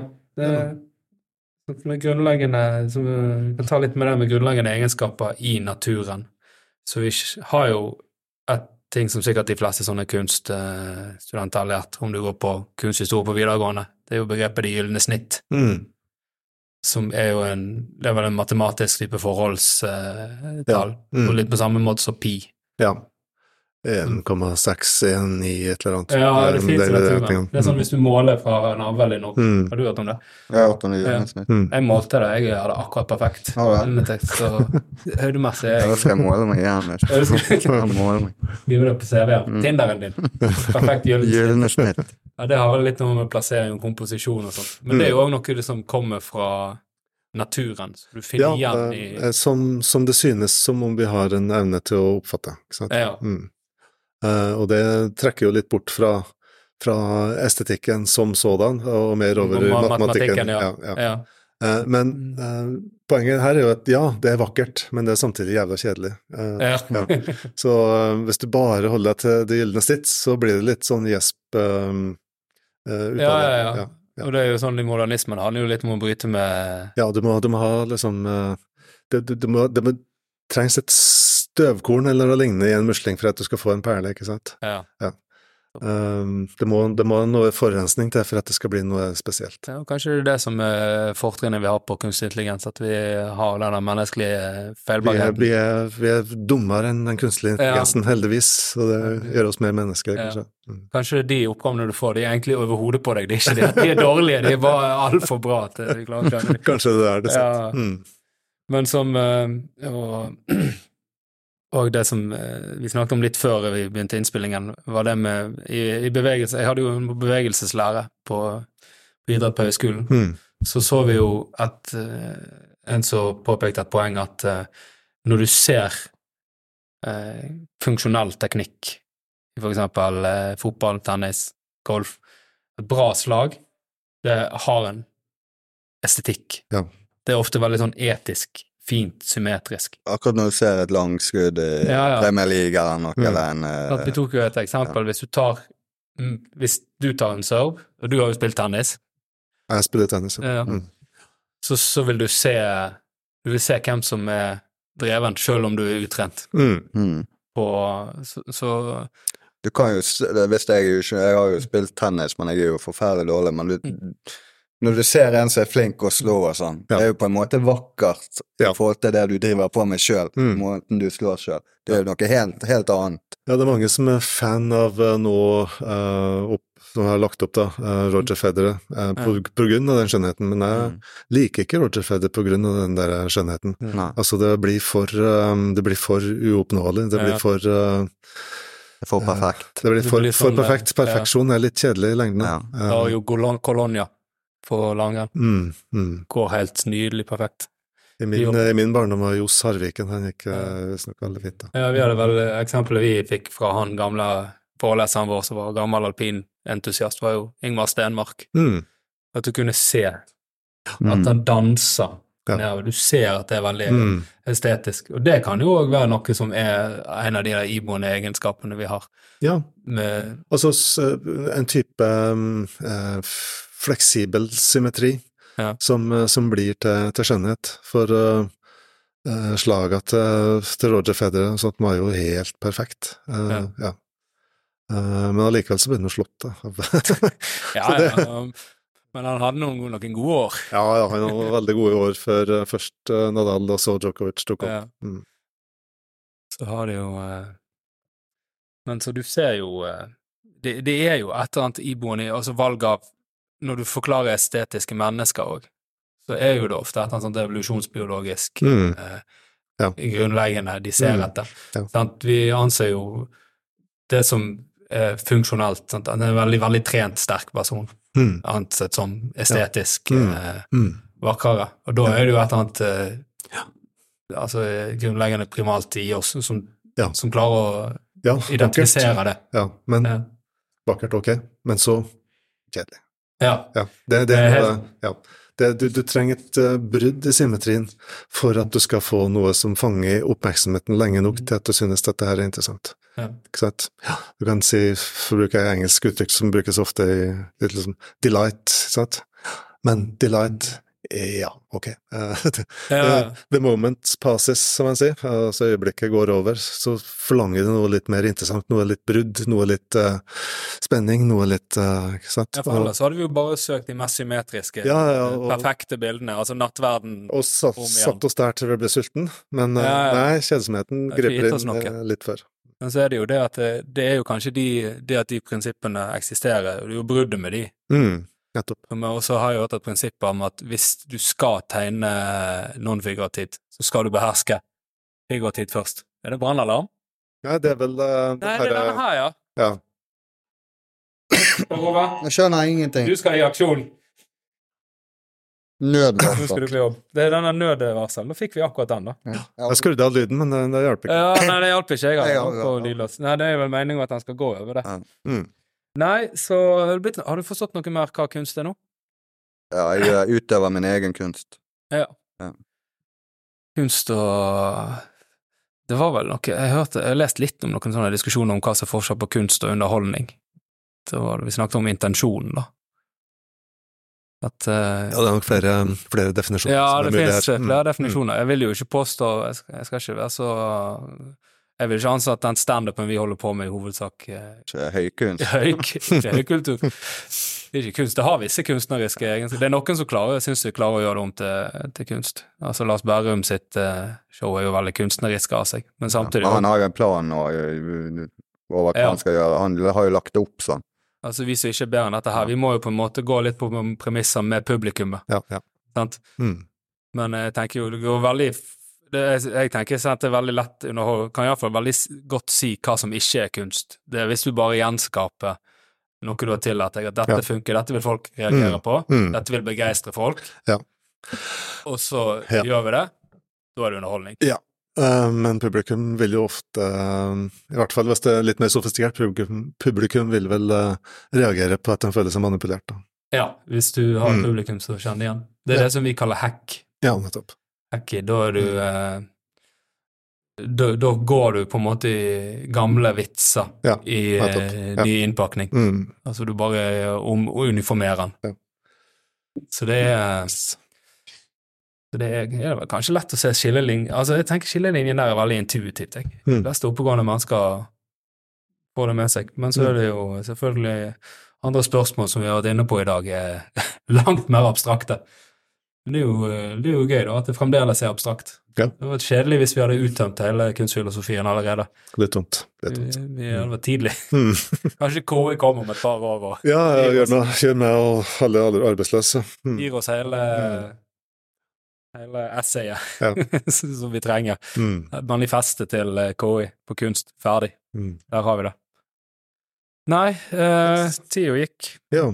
men det var veldig, veldig kjekt at du kom. Nå eh, fikk vi jo et veldig klart signal på at ja, nå, nå er det over. Nå er det slutt. Nå er det på tide å gi seg. Dette her skal du få jobbe med, Espen. Denne lyden her gleder du deg til. Nei, jeg håper, jeg håper folk klarte å henge med, iallfall. Ja, Jeg tror, jeg tror iallfall får det det. Mm. er mulighet til å Jeg tror iallfall må spille den flere ganger. Noen. Ja.